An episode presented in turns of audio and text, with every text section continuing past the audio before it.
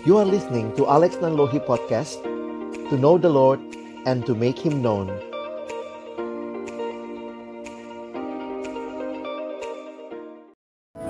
Mari kita berdoa sebelum membaca merenungkan firman Tuhan. Kami datang dalam ucapan syukur sore hari ini Tuhan. Kami bersyukur karena Engkau sungguh baik dan Engkau menyatakan kebaikan-Mu di dalam hidup kami. Tuhan kami bersyukur karena di tengah-tengah aktivitas kami yang begitu rutin sehari-hari ada kesempatan bagi kami untuk beribadah, memuji, memuliakan namamu. Dan kami sudah memuji-muji namamu ya Tuhan, tiba waktunya bagi kami untuk membuka firman-Mu.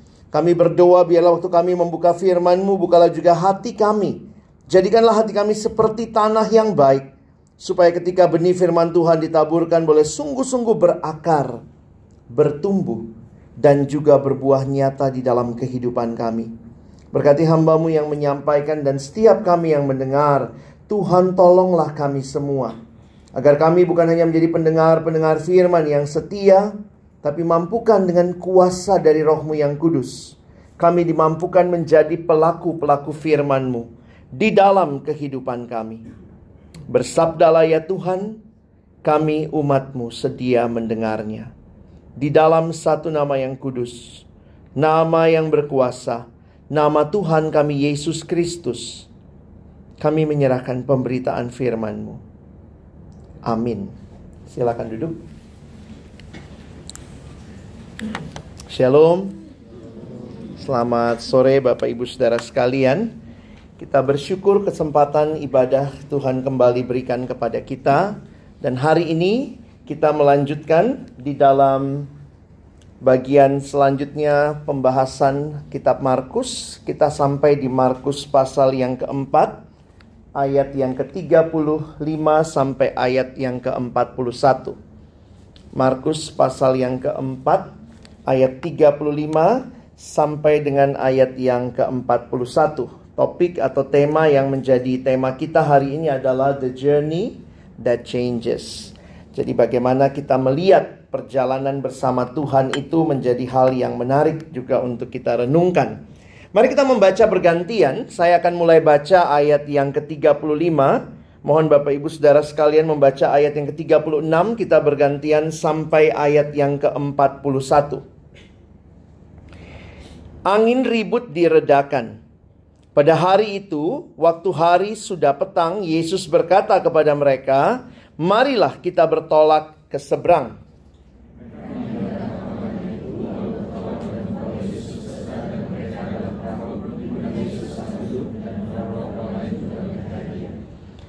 Lalu mengamuklah taufan yang sangat dahsyat dan ombak menyembur masuk ke dalam perahu sehingga perahu itu mulai penuh dengan air.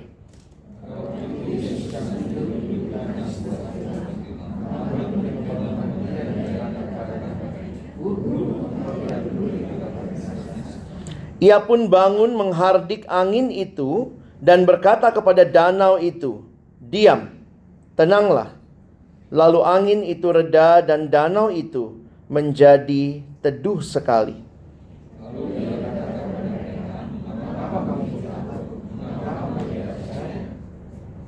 Mereka menjadi sangat takut dan berkata seorang kepada yang lain, "Siapa gerangan orang ini?" Sehingga angin dan danau pun taat kepadanya. Saudara yang dikasihi Tuhan, mungkin cerita ini sudah berkali-kali kita baca, kita renungkan juga. Kalau Bapak Ibu guru sekolah minggu bahkan sudah menceritakannya, sudah mengkhotbahkan kalau Bapak Ibu hamba Tuhan dan ini menjadi cerita yang banyak sekali aplikasi yang bisa ditarik dalam bagian ini. Hari ini sesuai dengan tema, saya ingin mengajak kita melihat kehidupan kita sebagai sebuah perjalanan bersama Yesus. Life is a journey with Jesus. Apa yang kita perhatikan di dalam kitab Markus, khususnya kalau Bapak Ibu perhatikan Markus pasal 3 dari ayat 13, Yesus memanggil murid-muridnya. Mereka yang dia tetapkan menjadi rasul, ada 12 orang. Dan kehidupan yang begitu dekat berjalan bersama Yesus menjadi kehidupan yang dinikmati oleh murid-murid itu. Nah, kehidupan seperti apa? Perjalanan seperti apa? Nah, ini yang kita akan lihat pada hari ini di dalam cerita atau kisah ini. Tentunya kita nggak bisa hanya baca kisah ini begitu ya. Kalau saya juga nanti uh, mau mengajak melihat beberapa kisah selanjutnya ya. Nah, kalau saudara perhatikan pada waktu itu hari sudah petang Yesus berkata kepada mereka, "Marilah kita bertolak ke seberang." Kalau Bapak Ibu perhatikan beberapa kali inilah cara Yesus dan murid-muridnya menghindari orang banyak. Jadi bagaimana mereka ngasok juga begitu ya. Nah nampaknya ini kelihatan Yesusnya ketiduran saudara ya. Pas minum antimo kali ya ketiduran duluan gitu ya. Murid-muridnya uh, menarik nelayan ya. Mereka meninggalkan orang banyak itu. Jadi ini konteks yang bisa kita pahami. Lalu bertolak dan membawa Yesus beserta dengan mereka dalam perahu di mana Yesus telah duduk. Dan perahu-perahu lain juga menyertai dia. Kita tidak dikasih keterangan lebih jauh lagi apa yang terjadi dengan perahu lain, tapi konteksnya kita melihat perahu di mana Yesus naik bersama dengan murid-muridnya. Nah, saya tidak tahu bayangan kita tentang perahu pada masa itu kayak apa ya. Jangan juga terlalu primitif bayanginnya gitu ya. Pikirnya kayak perahu kecil yang terlalu kecil. Gimana muat Yesus dan murid-muridnya terus dia tidur lagi di dalamnya. Mungkin nggak masuk di bayangan kita seperti apa begitu ya. Tapi saya coba melihat ini sedikit rekonstruksi dari arkeologis bahwa ini kira-kira uh, perahu nelayan di sekitar Galilea yang ditemukan di penggalian arkeologis. Jadi mungkin biar kita bisa lebih membayangkan gitu ya, tentu tidak pakai motor karena waktu itu mereka sangat mengandalkan layar dan angin. Jadi itu Galilean fishing boat. Kalau Bapak Ibu nanti perhatikan, ini yang kemungkinan digunakan oleh Yesus dan murid-muridnya. Lumayan panjang. Panjangnya itu 8,1 meter. Lebarnya itu 2,3 meter. Dan tingginya sekitar 1,4 meter. Jadi dalam rekonstruksi ini kita bisa lihat kira-kira 15 orang bisa ada di dalam fishing boat itu. Ya, jadi saya harap kita bisa coba membayangkan juga seperti apa fishing boat itu. Lalu ini yang menarik nih ya, kalau kita perhatikan, mengamuklah taufan yang sangat dahsyat dan ombak menyembur masuk ke dalam perahu sehingga perahu itu mulai penuh dengan air. Ada hal yang menarik kalau kita perhatikan karena apa yang murid-murid nampaknya rasakan dan alami sehingga kalau kita perhatikan mereka adalah nelayan. Dan tempat mereka biasanya mencari ikan adalah danau Galilea itu. Sebenarnya ada yang berkata juga bahwa sebenarnya ini bukan hal yang yang baru mereka alami. Tapi nampaknya, nah ini ya, kalimat yang Alkitab pakai lalu mengamuklah taufan yang sangat dahsyat. Kalau yang sudah ketakutan itu adalah nelayan yang biasa hari-harinya di situ, pasti juga ada taufan yang pernah dia alami. Ini nampaknya jauh lebih menakutkan. Jadi saya beberapa kali kalau naik pesawat gitu ya, uh, ketahuan tuh ya mengerikannya kayak apa kalau misalnya pas lagi goncangan gitu ya. Uh, kalau tiba-tiba tersembur apa atau ada orang yang ngomong ya Tuhan tolong gitu ya. Ada juga itu uh, exclamation point itu adalah eh, kata-kata yang biasanya spontanitas kita sebutkan. Jadi memang uh, ya makanya kalau kita naik pesawat pasti kita disuruh memperagakan cara menggunakan sabuk pengaman dan segala macam. Itu standar ya saudara ya. Karena kan nggak dikasih tahu nih kapan dia jebloknya pesawatnya dan seterusnya ya Nah, yang paling santai memang waktu itu saya ingat satu waktu naik pesawat ada anak kecil. Pas pesawat lagi goyang begitu, terus tiba-tiba anaknya itu ya, kita kan semua sunyi ya, bisa langsung berdoa kali ya. Tiba-tiba anak itu ngomong, "Mama kapan kita pakai pelampungnya?" Aduh. Itu satu pesawat berdoa syafaat saudara ya. Iya, malah pengen memang anak kecil gitu ya. Uh, saya mau ngajak kita coba membayangkan ini mereka nelayan yang sehari-harinya seperti itu. Kenapa sering ada taufan? Memang secara uh, secara geografis kalau Bapak Ibu perhatikan bahwa uh, Saya lupa persis penjelasannya tapi katanya secara geografis itu letaknya Danau Galilea itu karena dia lebih rendah kalau saya tidak salah ingat dari permukaan laut. Jadi dia eh, permukaannya itu lebih rendah dari permukaan laut. Jadi memang tekanan angin itu sering menyebabkan ada taufan. Makanya para penafsir mengatakan pasti ini bukan taufan pertama yang mereka alami. Tapi kali itu berbeda. Kata yang dipakai sangat dahsyat, ombak menyembur masuk ke dalam perahu sehingga perahu itu mulai penuh dengan air. Nah, Alkitab memberikan catatan bagi kita pada waktu itu Yesus sedang tidur di buritan di sebuah tilam. Maka murid-muridnya membangunkan dia dan berkata kepadanya, "Guru, engkau tidak peduli kalau kita binasa?" Saya pikir sih kalimat ini juga jadi menarik untuk ditafsirkan. Apa sih maksudnya? Apakah mereka sangat yakin Yesus Tuhan dan Juru Selamat? Atau sebenarnya ini cuman kayak, please dong orang lagi pada panik kok tiduran gitu kali ya. Nah ini bisa kita tafsirkan macam-macam begitu ya. Saya jadi, kalau saya malah waktu lihat ini, saya lagi mikir buritan itu di mana ya? Bapak Ibu bayangannya buritan di mana? Hah? Ya? Nah ini keterangan sejarahnya sedikit ya di bagian belakang perahu ini terjemahan sederhana Indonesia. Saya coba lihat terjemahan sederhananya dia e, menerjemahkan ayat 38. Saat itu Yesus sedang tidur di bagian belakang perahu dengan kepala di atas bantal. Lalu murid-muridnya membangunkan dia dan berkata, "Guru, kenapa engkau tidak peduli? Sebentar lagi kita akan tenggelam dan binasa." Saya tidak tahu persis mereka mengharapkan apa dari Yesus. Tapi kalimat Yesus ini membuat mereka semua diam. Ia pun bangun menghardik angin itu dan berkata kepada danau itu, "Diam, tenanglah." Lalu angin itu reda dan danau itu menjadi teduh sekali. Ini jadi menarik nih kalau kita perhatikan ya. Menjadi teduh sekali. Lalu ia berkata kepada mereka, "Mengapa kamu begitu takut? Mengapa kamu tidak percaya?" Murid-murid yang mengikuti Yesus ini tentunya juga mungkin sudah melihat beberapa hal yang lain yang Yesus lakukan. Memang tidak secara khusus dicatat. Ayat 41 mencatat respon mereka. Mereka menjadi sangat takut dan berkata seorang kepada yang lain, "Siapa gerangan orang ini sehingga angin dan danau pun taat kepadanya?" Apa yang bisa kita pelajari dari bagian ini? bagi saya menarik untuk melihat bahwa mujizat Allah masih berlangsung pada masa itu dan saya meyakini juga pada masa sekarang. Jika Tuhan berkenan, Tuhan berkehendak, maka itu mungkin terjadi. Mungkin kalau kita baca ayat ini, kadang-kadang kita langsung tafsirkan, iya ya, harusnya kalau ada masalah dalam hidup, Yesus menenangkannya.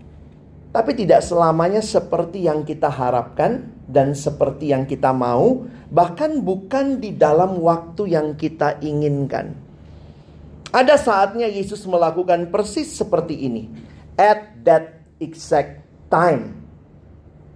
Tapi bagi kita yang percaya, saya pikir kita pun terus bisa berharap berharap kepada Yesus di tengah-tengah pergumulan yang tidak mudah banyak kali kita saya menafsirkannya sederhana aja ya kayak sekolah minggu gitu ya. Markus 4 35 sampai 41 berarti Yesus berkuasa atas alam. Kenapa saya jelaskan tadi soal mujizat Saudara? Soalnya begini. Beberapa kali dalam pengalaman hidup kita sering kali melihat cerita-cerita ini lalu mengharapkan Yesus melakukan hal yang sama saat ini dengan konteks kita. Udah bangunnya telat dari rumah, doanya di jalan gak macet. Itu gimana tuh? Tuhan kau sempat menenangkan angin. Harusnya kau bisa buka jalan begitu ya. Ada hal-hal yang Tuhan jawab langsung. Karena memang itu Tuhan kehendaki. Tapi di banyak situasi saya pikir juga jangan mencobai Tuhan. Nah yang kadang-kadang kita lakukan mencobai Tuhan ya udah terlambat dari rumah, milih-milih kendaraannya juga, sekalinya dapet jalannya kayak keong misalnya begitu ya, begitu nyampe Jadi kadang-kadang kita minta Tuhan melakukan sesuatu melampaui hukum alam. Nah itu kadang-kadang jadi aneh juga. Kalau siswa suka gitu ya, Tuhan, semoga ujian saya waktu gurunya periksa buta matanya sehingga kemudian jadi banyak doa-doa yang puji Tuhan Tuhan gak jawab iya ya.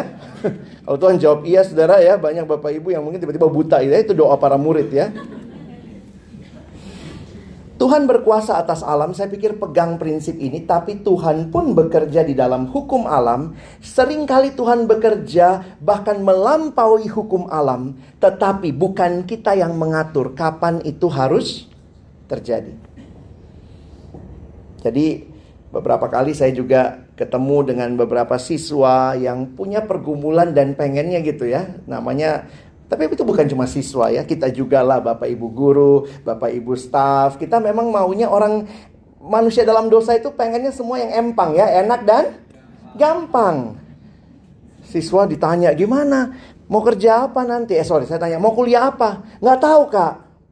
Lah kalau nggak tahu gimana? Harusnya kan saya bilang kalau gitu kamu mau jadi apa? Kan gitu ya cara bimbingnya. Kamu mau jadi apa dulu baru lihat masuk IPA IPS kan? uh, mau jadi dokter ya, ya udah IPA kan gitu logikanya. Tapi kemudian waktu ditanya, kamu mau jadi apa? Itulah kak nggak tahu. Hah, udah kelas 3 SMA? Nggak tahu, udah kelas 12. Ya kerjaan apa ya kak? Yang kerjanya gampang, uh, kerjanya gampang, uangnya banyak. Rampok, rampok, saya bilang gitu. Maunya begitu ya. Jadi ya tanpa kita sadari kadang-kadang kita pun meminta Tuhan melakukan sesuatu melampaui hukum alam yang sebenarnya Tuhan juga sudah tetapkan. Jangan mencobai Tuhan untuk kepentingan kita. Kita minta Tuhan lakukan hukum alam yang mungkin merugikan orang lain tapi menguntungkan kita. Banyak pakai referensinya ayat ini lagi. Tapi saya juga pernah dengar hamba Tuhan yang berdoa itu ibu rohani saya dulu, ibu pendeta Dorothy Max. Dia pelayanan di STT Bandung, dia tinggal di STT Bandung, jadi stay di Bandung. Kadang-kadang kami undang pelayanan ke kampus. Zaman itu belum ada tol. Dari Bandung ke UI Depok itu 4 jam perjalanan pergi. Khotbah 40 menit dikasih kertas. Bu, udah bu gitu ya. Tadi pulang lagi dia 4 jam dan waktu itu dia pernah bersaksi ya. Dia pernah bersaksi di tengah-tengah macet. Jadi bayangkan gitu ya, Bapak Ibu udah 4 jam tapi ternyata kena macet juga hari itu dan itu sudah dekat jamnya. Jadi ya kalau macet kan begitu sampai kampus tahu-tahu udah telat lewat waktu khotbahnya kan mahasiswa nggak bisa nunggu ya berarti Bu pulang lagi gitu ya. Dia berdoa, tapi di situ dia ceritakan sama kami ya karena dia datangnya on time. Tapi dia bilang, "Tadi saya sudah berangkat on time tapi jalan begitu macet. Saya berdoa kepada Tuhan." Doanya unik, Saudara. Tuhan, kau pernah belah laut merah? saya ingat kalau ibu tuh ini sekali ya, kalau cerita itu bahasanya Tuhan kau pernah membelah laut merah, kau belah laut Tebrau. Tuhan ini macet-macet ini kau belah lah Tuhan gitu ya. Puji Tuhan loh, habis itu ada forader lewat. Entah siapa itu. Dan mobil ibu persis nempel di belakangnya. Set. Sampai di kampus kami tepat waktu. Karena itu ibu yang mau pelayanan saya melihat itu mujizat gitu ya. Tapi banyak kali kan kita ya udah kita berangkatnya telat, kita yang nggak serius, kita nggak sungguh-sungguh minta Tuhan lakukan mujizat melampaui hukum alam. Kadang-kadang kebangetan. Mari belajar percaya kepada Tuhan. Dia sanggup, tapi kita sedang tunduk di bawah ketuhanannya. Bukan kita sedang mendikte lakukan sesuatu. Karena tanpa sadar kita sering kali merasa saya Tuhannya. Banyak hal yang mungkin saudara dan saya minta. Ternyata begitu egois. Cerita-cerita berikutnya saudara bisa lihat dan tafsirkan juga. Yesus berkuasa di dalam Markus 5 ayat 1 sampai 20 kita melihat berkuasa atas setan. Dia melepaskan orang yang di Gadara Gerasa itu. Nanti Markus pasal 5 ayat 25 sampai 34 Yesus berkuasa atas penyakit wanita yang pendarahan 12 tahun itu. Nah, ini balik lagi prinsipnya sama. Kalau Tuhan berkenan, dia sanggup sembuhkan. Tapi jangan mempermainkan Tuhan. Anak remaja gitu ya.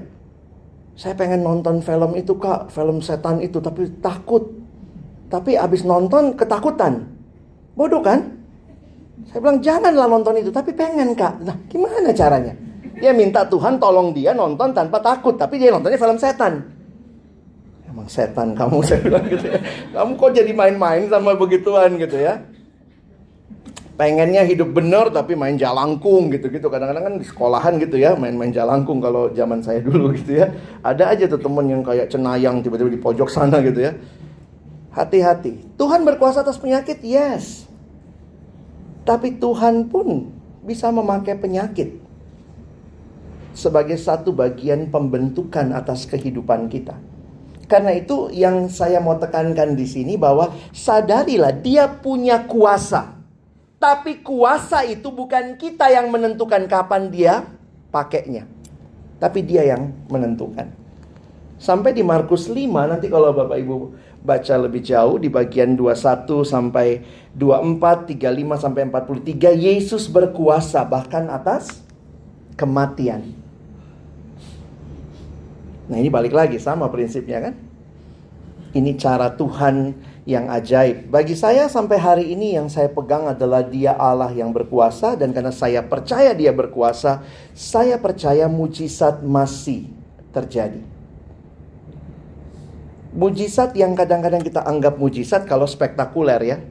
Tapi sebenarnya banyak hal-hal kecil di dalam hidup kita kalau kita mau renungkan begitu dalam. Itu cara Tuhan mengasihiku kata anak sekarang ya karena lagu itu ya. Cara Tuhan mengasihiku Bayangkan Bapak Ibu terik sampai ke meja kita. Itu cara Tuhan mengasihi Bapak Ibu. Kemarin istri saya baru beli teri, temannya jualan teri. Saya kadang-kadang mikir, kenapa bagaimana caranya teri itu sampai ke meja kita? Kalau direnungkan dengan dalam bukan karena saya punya duit beli teri. Tapi berarti kan Tuhan pelihara teri di lautan ya. Tuhan pelihara teri, berarti Tuhan pelihara papa mama teri. Terus sudah gitu Tuhan pelihara nelayan yang nangkap teri. Tuhan pelihara nelayan itu dan papa mamanya. Terus Tuhan pelihara yang buat perahu. Yang buat perahu dan papa mamanya. Kita bisa telusuri itu. Terus sampai nanti dia tangkapnya pakai jala. Tuhan pelihara pembuat jala dan papa mamanya. Terus kemudian sampailah teri itu ke pinggir pantai dibeli sama distributor. Tuhan pelihara distributor dan papa mamanya. Terus kemudian dibawa naik mobil truk ke kota. Tuhan pelihara supirnya dan papa mamanya. Tuhan pelihara truknya juga. Dan yang buat truknya Tuhan pelihara dan papa mamanya. Kita mulai dari ban kiri ya. Ban kiri sebelah kanan. Kalau kita mau pikir-pikir gitu ya, terus nanti sampailah di pasar, Tuhan pelihara penjual di pasar dan papa mamanya. Tuhan pelihara mungkin kita suruh mbak kita beli ke, ke pasar, Tuhan pelihara dia dan papa mamanya. Begitu sampai ke meja kita, kita ya cuma teri. Tapi kalau kita perhatikan bagaimana cara Tuhan memelihara, indah sekali. Kita bukan the first cause of everything. Your money is not the first cause of everything. Kadang-kadang kita berpikir semua itu karena saya. Saya bisa, saya ambil ini, saya beli, saya punya uang, saya dapat uang. Terlalu sedikit apa ya, terlalu sepele sebenarnya kalau kita mau mengatakan semua karena kita. Ayat-ayat ini hanya mau mengingatkan kita bahwa dia punya kuasa. Dan kalau dia punya kuasa, cara Tuhan memberkati saudara, cara Tuhan memberikan berkatnya atas hidup saudara, itu sebenarnya semuanya mujizat. Terlalu terlalu sederhana kalau kita mengatakan itu hanya terjadi karena hukum kausalitas. Saya punya uang, saya bisa beli. Saya kerja, saya dapat duit. Dan apa yang kita pahami tentang Yesus? Saya pikir ini kesimpulan yang saya mau buat ya. Saya pinjam kalimatnya David Platt. David Platt berkata, Who you say Jesus is will determine about how you follow him. Murid-murid sudah lihat banyak hal. Sebelum ini banyak perumpamaan yang Yesus sampaikan. Bahkan mungkin ada hal-hal yang ajaib juga yang dikerjakan tanpa kita dikasih tahu semuanya ya. Karena ini baru awal catatan Injil, baru Markus pasal 4. Tetapi yang menarik adalah siapa yang Yesus itu seperti apa, Ya tergantung mereka lihat ini Yesus ini siapa lalu mereka mengikutnya seperti apa. Kalau buat mereka Yesus guru, ya sudah, dia master teacher, a great storyteller. Wah, cerita-cerita Yesus sangat menangkap pikiran. Yesus bukan cuma pedagoginya yang bagus. He is more than that. He is the Lord of everything. Ketika saudara dan saya percaya pada Yesus, pertanyaannya Yesus seperti apa yang saudara dan saya percayai? Kadang-kadang kita melihat Yesus cuma punya kuasa di bidang tertentu, nggak punya kuasa di bidang lain. Jadi ada orang memang ya kelihatan gitu ya. Kalau dia merasa Yesus kurang berkuasa di bidang ini, ya dia nggak nggak serius ikut Yesus dalam bidang itu. Saya kasih contohnya begini kali ya. Um, di perjanjian lama, umat Allah itu berkali-kali menyembah dewa lain. Dewa bangsa lain. Kadang-kadang kan mikir gitu, kenapa ya? Bukankah Tuhan sudah bilang, akulah Tuhan Allahmu yang membawa engkau keluar dari Mesir. Ternyata paham politeis yang berkembang di bangsa-bangsa sekitar mereka masih membuat Israel begitu rupa ketakutan kalau tidak ikut menyembah dewa bangsa lain.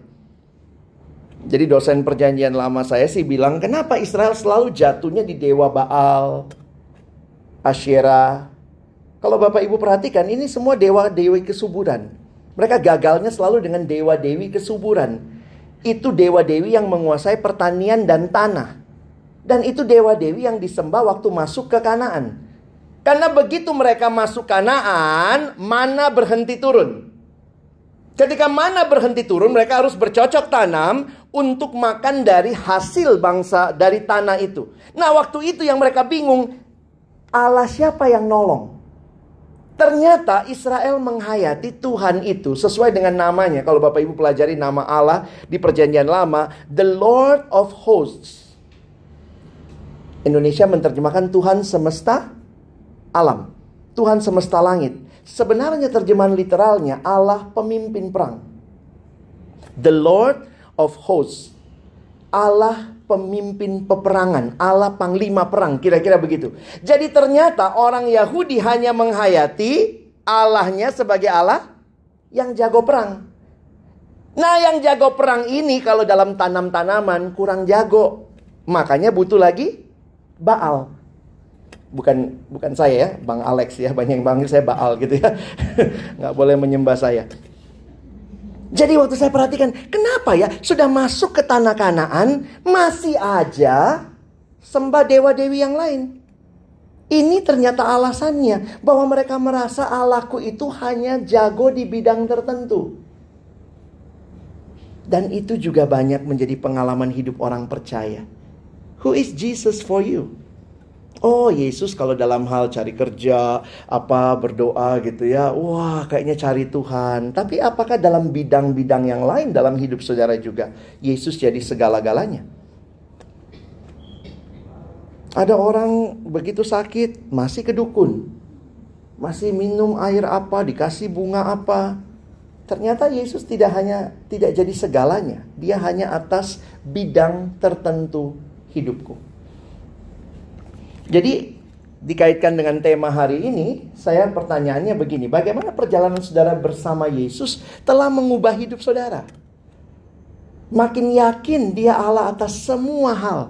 Bahkan atas sandang pangan gitu ya. Waktu Yesus berkata jangan kamu khawatir burung di udara dia pelihara. Saya alami dalam hidup pemeliharaan Tuhan. Beberapa orang waktu mulai pensiun mulai ngerasa kayaknya Tuhan gak berkuasa atas pensiun. Dia cuma Tuhan atas orang yang produktif. Makanya begitu pensiun stroke gitu ya.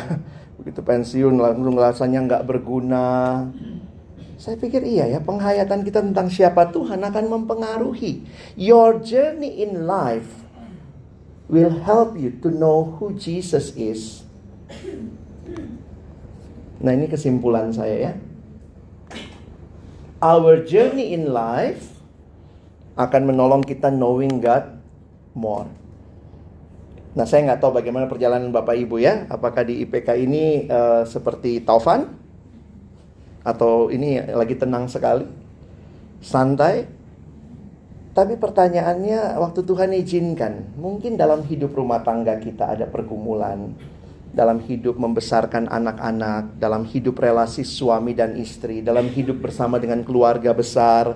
Apakah bagi saya begini loh, pertanyaannya jangan cuma begini. Kenapa sih Tuhan saya ngalamin ini? Ya pasti kita nanya lah ya. Kenapa sih Tuhan, Tuhan izinkan ini? Saya bertemu dengan seorang anak yang kehilangan papa mamanya di usia 18 tahun. Papanya meninggal dia umur 17, mamanya meninggal dia umur 9 sorry 19 tahun. Papanya sekitar dia 16, mamanya waktu dia umur 19 tahun. Dan dia bilang sampai sekarang saya masih bertanya, kenapa singkat banget Tuhan? Kenapa singkat banget pengalaman saya dengan papa mama saya? Tadi sebelum saya ke sini ketemu seorang adik rohani yang sudah lama tidak ketemu. Saya kenal dia habis tsunami Aceh. Ketika tsunami Aceh, papa, mama, kedua adiknya semua meninggal. Dan dia survivor lah sendiri. Dalam banyak cerita dengan dia, ya bicara juga iya ya, kenapa ini terjadi? Kita pasti bertanya, tapi kiranya pertanyaan kita tidak hanya berhenti di situ. Tapi pertanyaannya adalah, apakah melalui pengalaman perjalanan hidup itu, saudara makin kenal siapa Tuhan? Ini Tuhan yang seperti apa sih? Tuhan yang adalah ayah yang sejati, Tuhan adalah ibu yang sejati, Tuhan yang menghibur di saat aku kesepian, Tuhan yang sebenarnya memberikan pertolongan tepat pada waktunya, Tuhan adalah Allah yang luar biasa. Sehingga di akhir hidup kita saya pikir bukan pengalamannya yang kita banggakan, tapi pengenalan akan Tuhan kita sudah seperti apa. Murid-murid makin kenal siapa Yesus kayak foto polaroid zaman dulu ya begitu dijegrek misalnya di puncak gitu ya foto sama kuda gitu ya. Begitu awal kan nggak nggak kelihatan nih gini giniin gitu ya mulai kelihatan mulai jelas ih kudanya ini kudanya begitu. Eh itu gua ternyata gitu ya. salah tunjuk gitu. Nanti makin jelas makin jelas. Nah makin jelas. Saya harap saudara perjalanan hidup kita dengan Tuhan pun makin kenal siapa Tuhan. Kalau lima tahun lalu sama hari ini iman kita pengenalan kita sama apa kita bertumbuh? Karena satu-satunya mata kuliah yang tidak pernah ujian lulus itu mata kuliah mengenal Allah. Itu mata kuliah yang sampai hidup kita berakhir. Di situlah kita akan melihat siapa Allah yang kita sembah. Tuhan izinkan murid-muridnya kenal dia melalui perjalanan mereka bersama-sama di perahu mereka bisa kenal siapa Tuhan. Di dalam kerumunan orang banyak lihat wanita yang menyentuh ujung jubah Yesus. Ketika ada yang kerasukan, Tuhan mengajak mereka perjalanan yang very apa ordinary. Ini daily life. Tapi Tuhan lagi bawa mereka kenal dia. Kenapa pengenalan ini penting, Saudara? Saya tutup dengan aplikasi begini ya. Saya mikir-mikir apa ya aplikasinya ya. Saya jadi ingat buku ini. Buku Knowing God, ini buku terkenal dari J.I. Packer. Dan J.I. Packer menuliskan, dia masih hidup ya, sayangnya sudah buta sekarang ya. Jadi dia uh, sudah sulit sekali untuk uh, berkomunikasi begitu ya, karena juga dia buta. Dia mengatakan ada empat bukti orang yang mengenal Allahnya. Ya, menarik nih buat kita renungkan ya. Tapi poin saya adalah balik lagi begini. Kalau Bapak Ibu tidak makin bertumbuh kenal Tuhan, makin susah juga aplikasinya. Saya ngelihatnya begitu dalam hidup saya. Pertama nih ya. Orang yang mengenal Allah, those who know God have great energy for God. Jadi orang yang kenal Tuhan itu pasti akan berkobar-kobar tanpa kadang-kadang kita sedih juga ya. Apa orang berkobar-kobar karena disuruh MC. Ayo saudara semangat. MC sekarang tuh kata kata kunci kan semangat ya. Apalagi kalau dia anak muda, semangat saudara, semangat saudara. Dalam hati saya kalau dia nggak kenal Tuhan, dia mau semangat apanya? Makanya penting pengenalan akan Tuhan, bukan cuma nyanyi lompat-lompat. Dan saya pikir ya bersyukur IPK dengan pengajaran Bapak Ibu mengajarkan nilai-nilai ditanamkan pengenalan akan Allah itu penting. Mau anak-anak berkobar-kobar? Tolong mereka kenal Allah. They have great energy for God. Bagaimana dengan kita di pekerjaan ya? Do you have great energy for God? It's not only for this work. Tapi kalau saudara makin kenal Tuhan, buktinya saudara makin rindu melayani Tuhan, makin berkobar-kobar untuk Tuhan. Tidak semuanya memang ditandakan ditandai dengan ha gitu ya, nggak semua kayak Pak Ayub kan ya gitu ya saya. Nggak, nggak semua bergayanya itu kan masalah gaya ya, style ya. Teman lama saya ya. Tapi energi itu terlihat dari apakah tugas yang diberikan selesai atau tidak. Apakah saudara tanggung jawab kalau dikasih pekerjaan? Saudara waktu bilang iya memang bisa dipegang juga janjinya. Saya pikir energi kita, saya ketemu beberapa teman yang sudah kehabisan energi. Dan sayangnya dia kehabisan energi di pelayanan Kristen. Saya kadang mikir gitu ya, ini seperti tikus mati di lumbung padi. Kebaktian cuma jadi rutinitas, tugas cuma jadi tugas, sudah kehilangan panggilan. Kalau tugas hanya tugas, saudara dapat capeknya. Tapi kalau saudara bisa lihat lebih jauh lagi, ada kemuliaan karena ini panggilan. Itu beda. Those who know God have great energy for God. Lihat rasul-rasul itu. Saya pikir ini orang-orang nelayan sederhana. Begitu Yesus bangkit, mereka diutus luar biasa energinya. Selesai dari sini, pergi lagi ke sana, pergi lagi ke sana. Bahkan tidak ada yayasan yang menaunginya. Gak ada yayasan IPK gitu yang kasih support apa, nggak ada. Pergi tanpa semuanya. Saya ketemu beberapa orang yang cerita, dulu papa saya itu orang pertama yang percaya di kotanya. Dia pergi penginjilan dari rumah ke rumah. Kita training penginjilan udah ikut empat kali. Nggak satu pun diinjili. Masalahnya apa?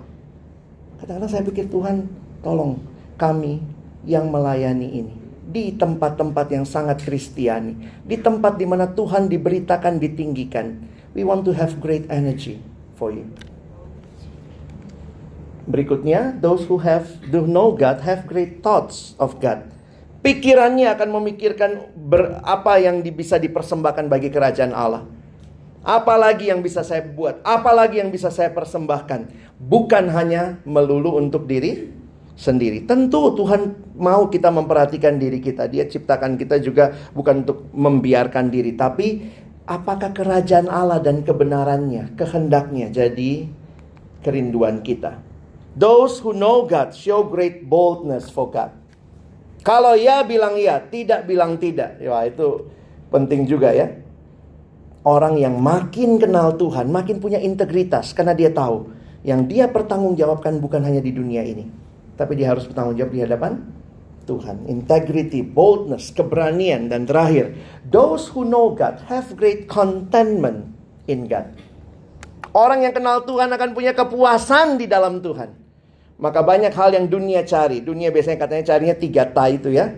Harta, tahta, sorry jadi wanita gitu ya. Kuota. Kuota. itu anak sekarang ya. Harta, tahta, kuota. Seks gitu ya kalau kita tambahkan. Tapi kepuasan kita adalah di dalam Tuhan. Wah ini memang apa ya waktu saya baca bukunya uh, Knowing God ini saya jadi sadar gitu. Tuhan ini apa tujuan kita? Kalau dibilang tujuan kita adalah supaya kita makin kenal Tuhan. Kan Katekismus bilang begitu ya. To know God and to enjoy Him forever. But this is the application. What should be shown in our life. If we really have a great God. We know Him Nah, ini yang harusnya jadi bagian kita. Sehingga saya mengencourage Bapak Ibu dalam perjalanan Bapak Ibu, pergumulan hidup, berserahlah kepada Tuhan, teruslah berjalan bersama Tuhan, nikmati anugerahnya. Karena pengenalan itu akan menolong Bapak Ibu bisa memberi yang terbaik bagi Tuhan. Saya tutup dengan quote ini, saya dapat kemarin dari status satu teman. When you run alone, it's called race. When God runs with you, it's it's called grace. Kalau saudara bersama Tuhan, maka perjalanan itu saudara maknai. Maknanya apa? Makin kenal siapa Tuhan, makin alami anugerahnya. Makin kenal siapa Tuhan, makin alami anugerahnya.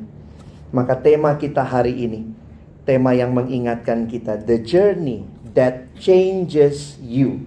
Really, this is a journey, not only of my word, Not only of my family, not only of my daily life, but a journey yang saya di dalamnya mengalami perubahan karena saya makin kenal siapa Allah. Kiranya ini jadi berkat buat kita. Amin. Mari kita berdoa.